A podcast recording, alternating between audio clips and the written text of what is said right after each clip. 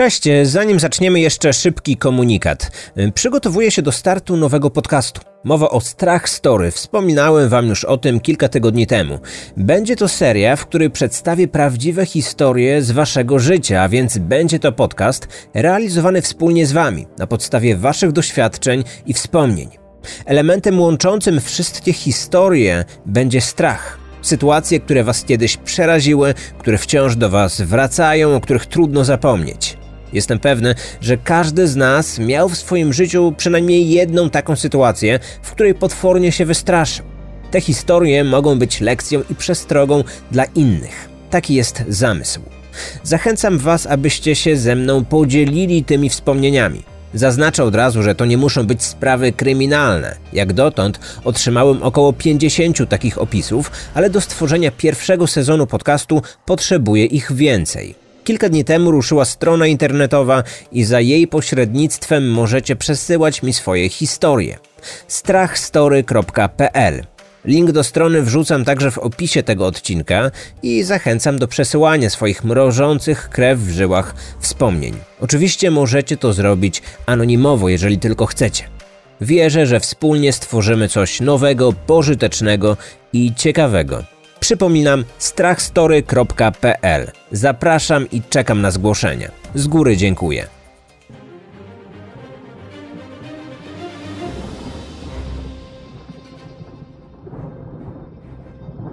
Czasami zdarzają się takie sprawy, które nawet po rozwiązaniu wzbudzają sporo kontrowersji. I nawet gdy sprawca zostanie już schwytany i osądzony, to nadal wiele pytań pozostaje bez odpowiedzi. Tak też było w przypadku zabójstwa, do którego doszło w listopadzie 1997 roku w Stanach Zjednoczonych. Dziś opowiem właśnie o tej zbrodni. Jej ofiarą padła ceniona lekarka. Kobieta, która uratowała wiele ludzkich żyć. Pewnego dnia na swojej drodze spotkała kogoś, kto odebrał jej własne. Kryminatorium. Otwieramy akta tajemnic. Dr Margot Pratt urodziła się w 1956 roku w miejscowości Akron w stanie Ohio. Jej fotografie dostępne w internecie przedstawiają uśmiechniętą Afroamerykankę. Kobietę pełną ciepła oraz życzliwości. I tak właśnie wszyscy ją wspominali. Jako osobę, która pomimo wielu życiowych przeciwności nigdy nie traciła swojej pogody ducha, a z jej twarzy rzadko znikał uśmiech. W szkole była jedną z najlepszych uczennic.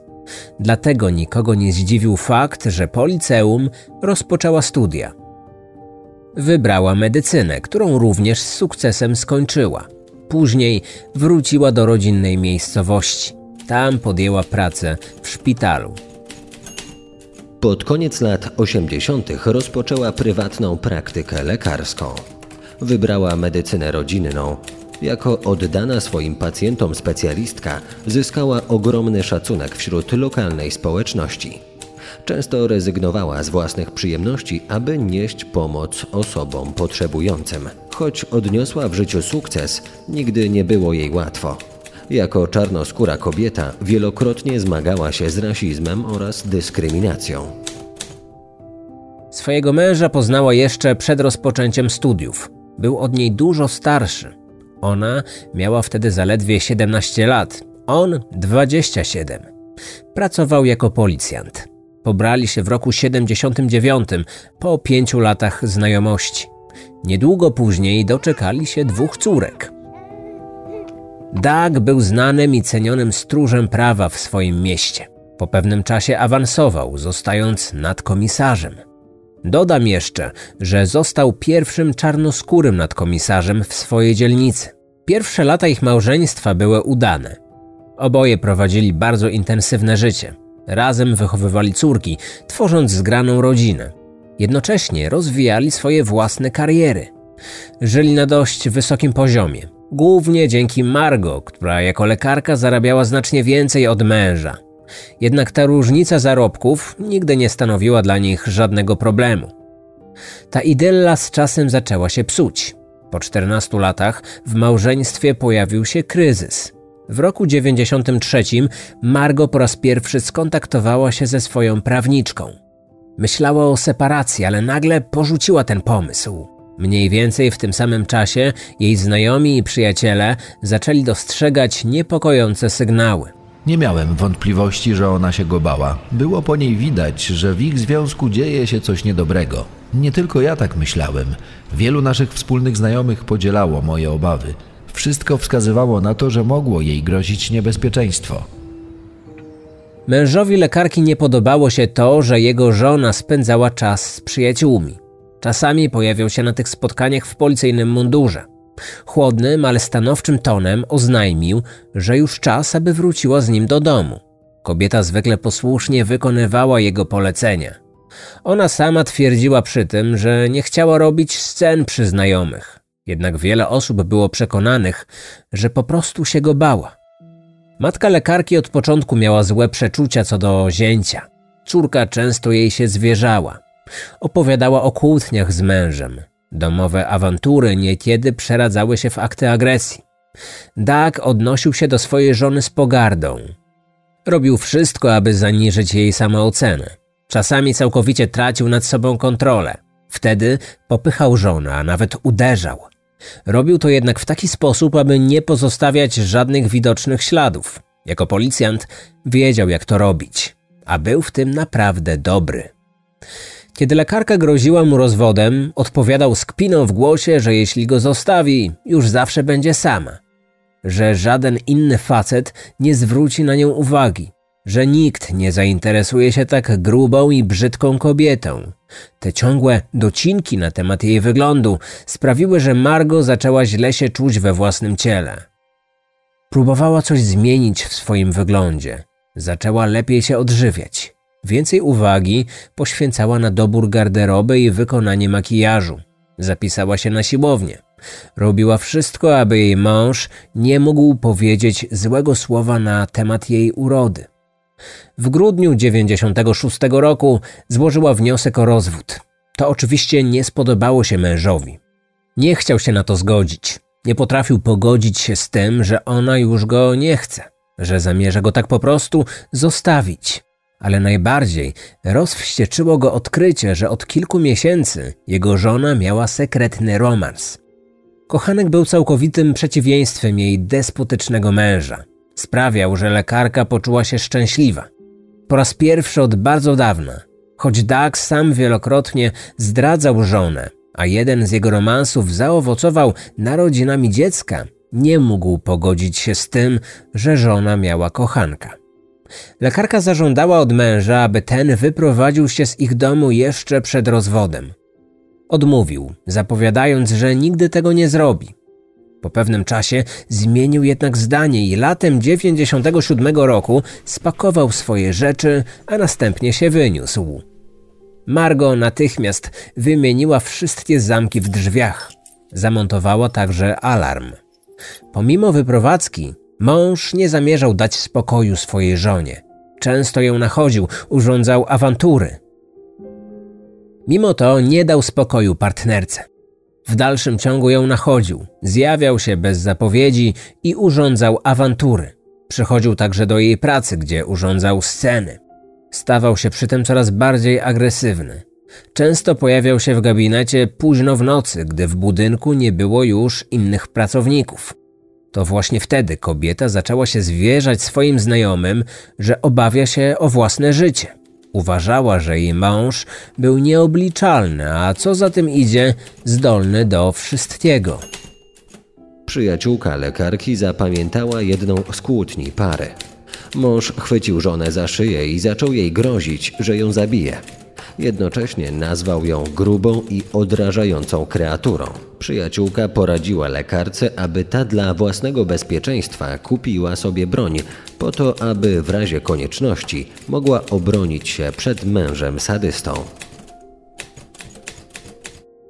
W końcu doszło do niespodziewanego rozwodu, ale od samego początku nie przebiegał on ani łatwo, ani przyjemnie.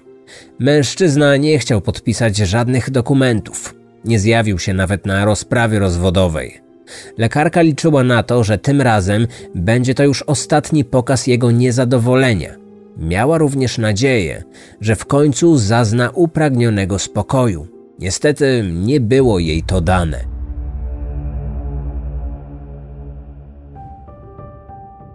Rozwód nie zmienił Daga, który nadal nie odpuszczał. Dalej zachowywał się tak jak przed rozstaniem. Osoby, które pracowały z lekarką, były świadkami, jak jesienią 97 roku zjawił się w gabinecie. Za każdym razem wszczynał awantury i kłótnie. To bardzo źle wpłynęło na kobietę, która czuła się coraz bardziej osaczona przez byłego męża. Sąd postanowił, że ich dzieci pozostaną z matką, ale oboje rodzice będą wychowywać je w porozumieniu. Ze względu na agresję Daga, Margo próbowała doprowadzić do ograniczenia jego praw rodzicielskich oraz zwiększenia alimentów. W tej sprawie skontaktowała się ze swoim prawnikiem. Nie trudno zgadnąć, że były mąż kobiety nie był z tego faktu zadowolony. Uważał za niesprawiedliwe, że to on musi płacić na dzieci.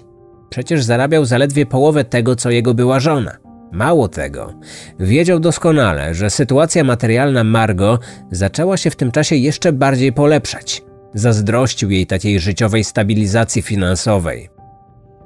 Tym bardziej, że od czasu rozwodu nie mógł już korzystać z jej pieniędzy, co bardzo negatywnie odbiło się na jego jakości życia. Lekarka była niewzruszona pretensjami, jakie nieustannie kierował w jej stronę. Choć w dalszym ciągu toczyła z nim sądową walkę, zaczęła mieć w końcu nadzieję na poprawę swojego losu.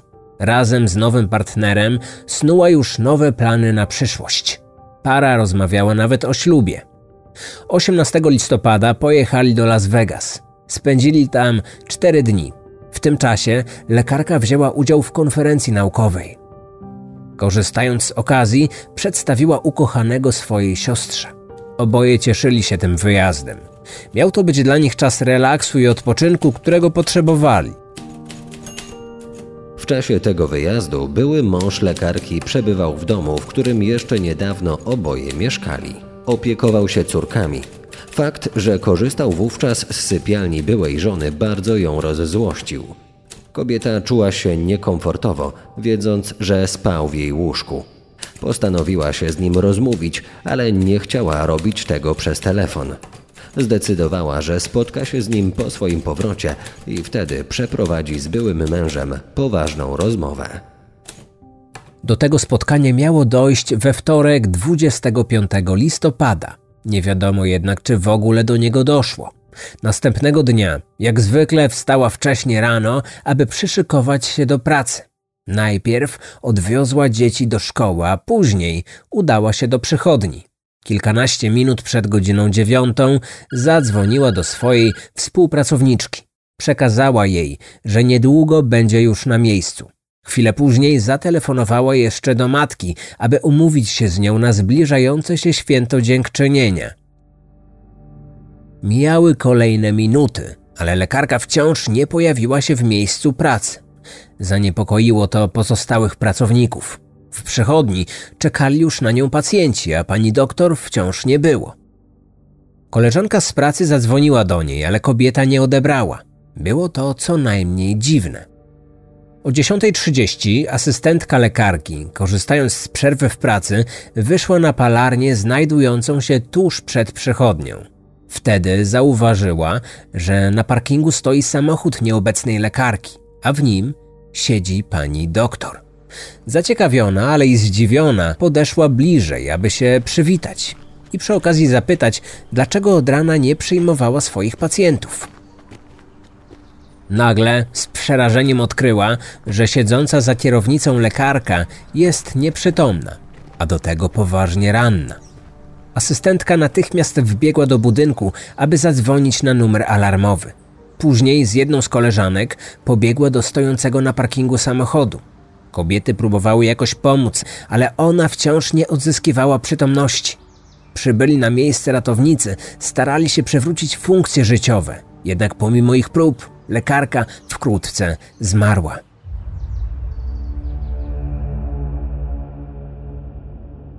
Przeprowadzona sekcja zwłok wykazała, że kobieta zmarła w wyniku postrzelenia. Sprawca oddał w prawą stronę jej ciała sześć strzałów.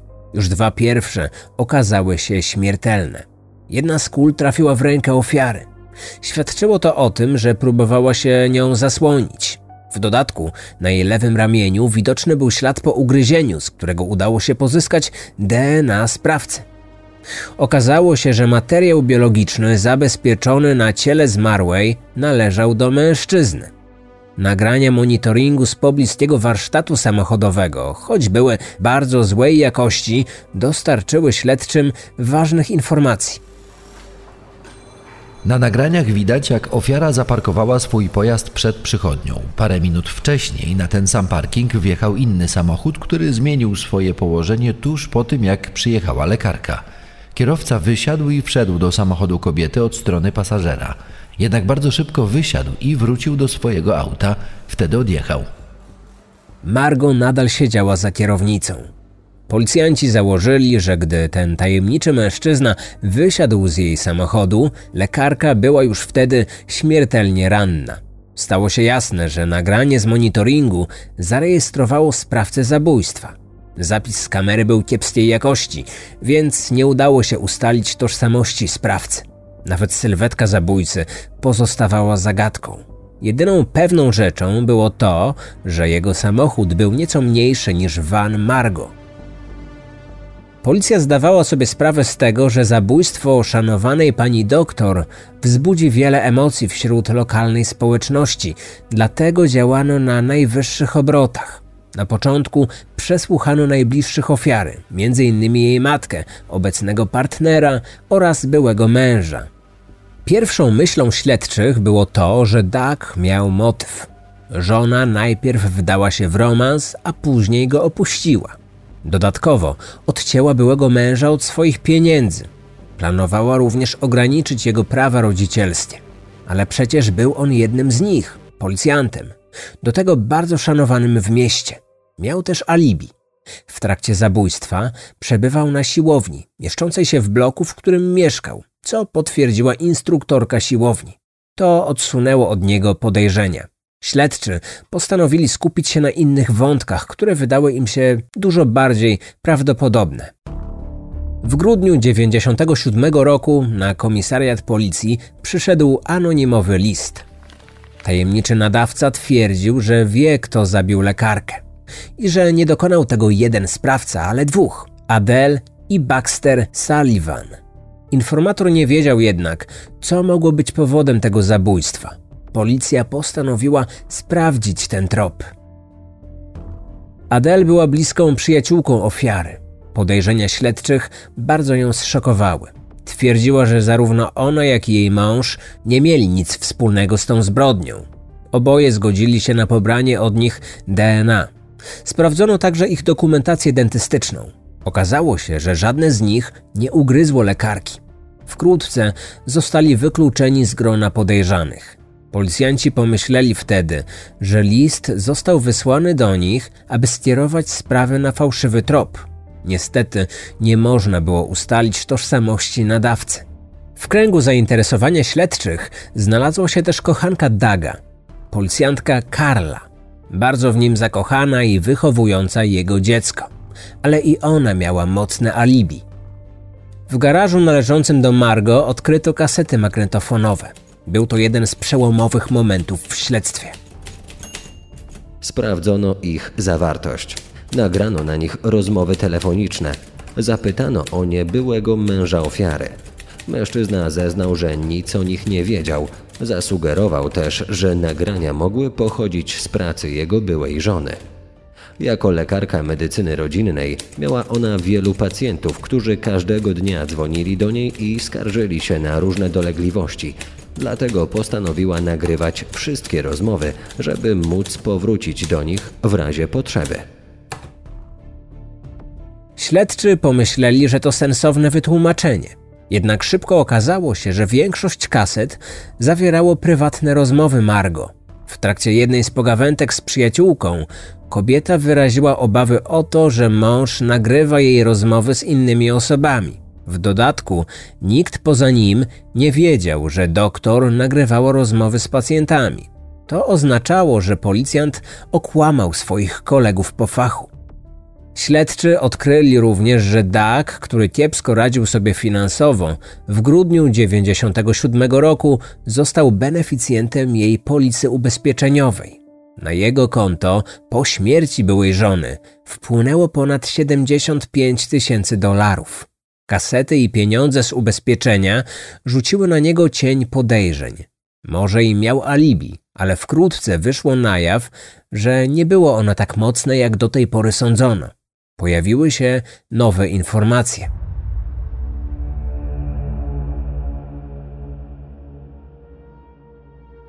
Po pierwsze, kobieta, która wcześniej potwierdziła jego obecność na siłowni, nie była tak naprawdę pewna, czy tamtego dnia faktycznie był tam o godzinie dziewiątej. Później miał on nakłonić kobietę, aby zeznała na jego korzyść. Po drugie, siłownia i przychodnia są położone blisko siebie. Samochodem można było pokonać ten dystans w mniej niż 5 minut. Po trzecie, znaleźli się świadkowie, którzy widzieli Daga tamtego ranka w okolicy miejsca zbrodni. Byłem wtedy w warsztacie samochodowym, który znajduje się niedaleko miejsca pracy tej zabitej lekarki. Widziałem tam wysokiego, łysego, czarnoskórego mężczyznę w okularach. Później, kiedy oglądałem wiadomości w telewizji i mówiono o tej sprawie, pokazano męża ofiary. Poznałem go, bo to właśnie jego tam widziałem. Inną osobą, która widziała Daga, był pacjent, który przyszedł do przychodni na pobranie krwi. Na niekorzyść policjanta wypadły też zeznanie rodziny i przyjaciół lekarki.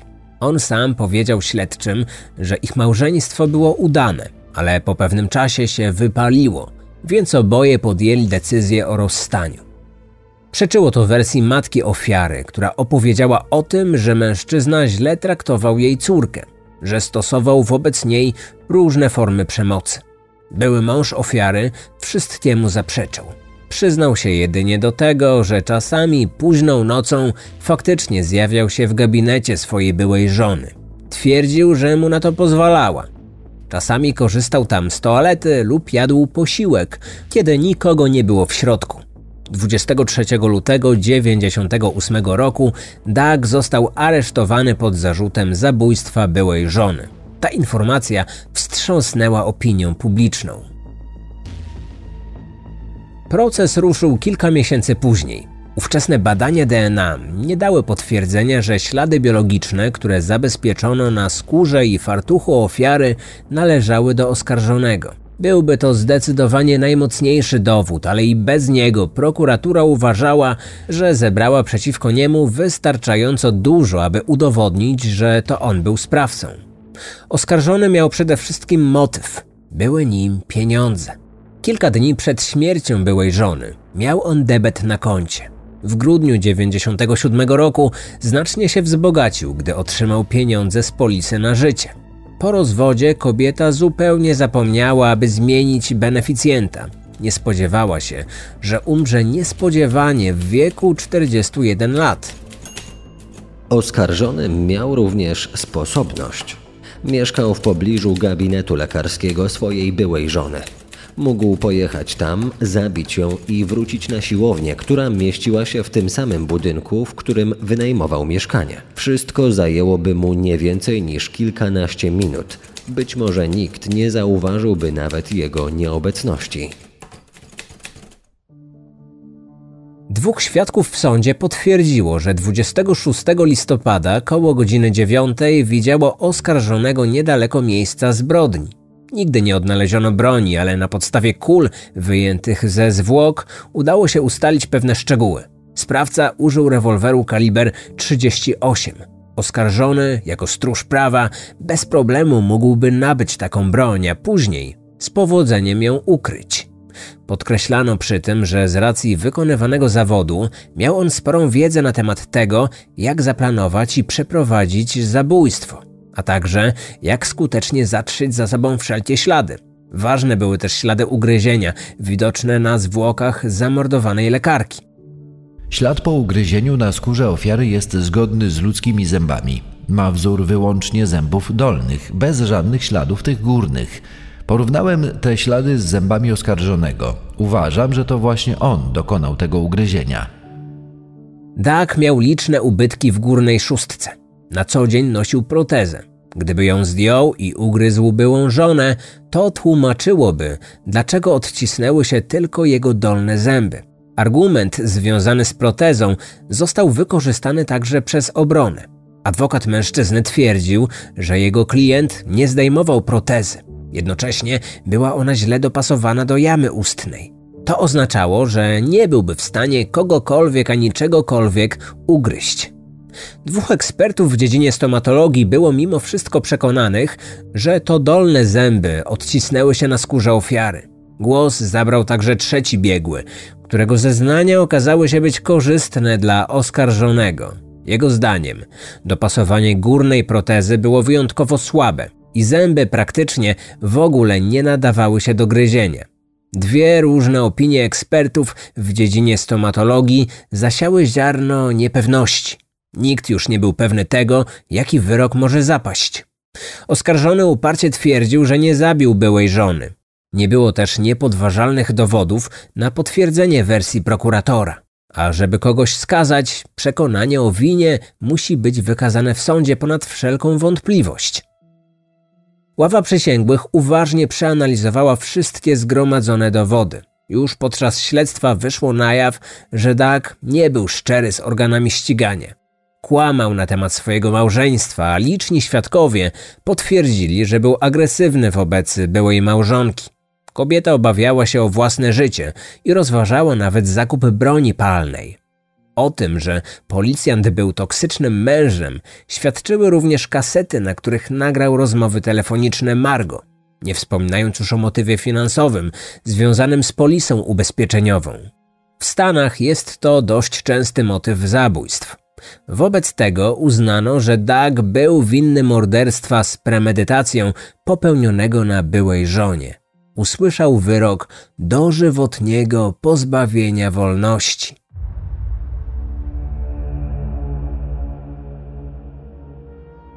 Nie był to jednak koniec batalii sądowej. Pomimo wyroku skazującego, Doug nie przyznał się do winy. Twierdził, że zabójca Margo nadal jest na wolności. Kiedy przebywał w więzieniu, jego bliscy skontaktowali się z organizacją zajmującą się niesłusznymi skazanymi przez amerykański wymiar sprawiedliwości. Kilka lat później technologia poszła do przodu. Pojawiły się nowe możliwości, dlatego postanowiono jeszcze raz zbadać próbkę DNA. Wtedy okazało się, że materiał genetyczny z miejsca zbrodni nie pasował do byłego męża ofiary. Na podstawie rozstrzygających wyników testu DNA oraz dowodów z procesu z 1998 roku sąd jest głęboko przekonany, że żaden rozsądny ławnik nie skazałby oskarżonego. Stwierdza zarazem, że mój klient jest niewinny zabójstwa z premedytacją swojej byłej żony. W styczniu 2013 roku, prawie 15 lat po wydaniu wyroku skazującego, Doug został uniewinniony. Niedługo później opuścił więzienie. Jego córki od początku uważały, że ojciec jest niewinny i że to ktoś inny zamordował ich matkę. Przy okazji porównano próbkę należącą do ostatniego partnera Margo, z którym kobieta chciała spędzić święto dziękczynienia. Okazało się, że tutaj także nie było zgodności. Wobec tego powstało pytanie: kto tak naprawdę zastrzelił tę kobietę? Prokuratura uważała, że sąd w żadnym wypadku nie powinien uniewinniać Daga. Nowe wyniki badań DNA dostarczyły nowych wątpliwości. Okazało się, że w miejscu ugryzienia znajdowały się dwie odrębne próbki i żadna z nich nie pasowała do skazanego. Jednak było to co najmniej dziwne, gdyż 15 lat wcześniej wyszczególniono tylko jedno DNA. Jak to możliwe, że nagle znaleziono drugi materiał biologiczny? Trakcie śledztwa ustalono, że sprawcą była wyłącznie jedna osoba. Pojawiły się wtedy sugestie, że test nie powinien mieć żadnej wartości dowodowej wobec pojawiających się sprzeczności. Podejrzewano, że doszło do zanieczyszczenia próbek i stąd rezultat był korzystny dla byłego męża ofiary. Rok później sąd uznał, że popełniono błąd, oczyszczając oskarżonego z zarzutu zabójstwa. Prokurator zgadzał się z tą tezą i argumentował, że były policjant wcześniej terroryzował Margo i tylko on może być zabójcą. Wyrok uniewinniający został cofnięty, a mężczyzna wrócił za kratki. Mimo to nie zmienił swojego stanowiska i nadal utrzymuje, że jest niewinny. W 2019 roku próbował ponownie opuścić więzienie, ale tym razem nie miał szczęścia. Amerykański Sąd Najwyższy odrzucił jego apelację, odbierając mu w ten sposób ostatnią nadzieję. Zdania na temat tego, kto zabił lekarkę, do dziś są podzielone. Bliscy ofiary są przekonani, że tylko jej były mąż mógł ją skrzywdzić. Inni wierzą, że były policjant jest niewinny.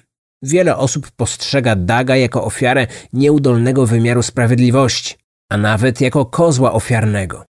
Zwracają przy tym uwagę, że tak naprawdę tylko on miał motyw i możliwości. Otwarte więc pozostaje pytanie, kto ma rację. Odcinek powstał na podstawie akt udostępnionych przez Sąd Najwyższy stanu Ohio z 2014 roku oraz artykułu naukowego Camerona Downera opublikowanego w The UC Law Review. Wykorzystano również informacje prasowe z takich portali informacyjnych jak Cleveland.com, Beacon Journal czy ABC News.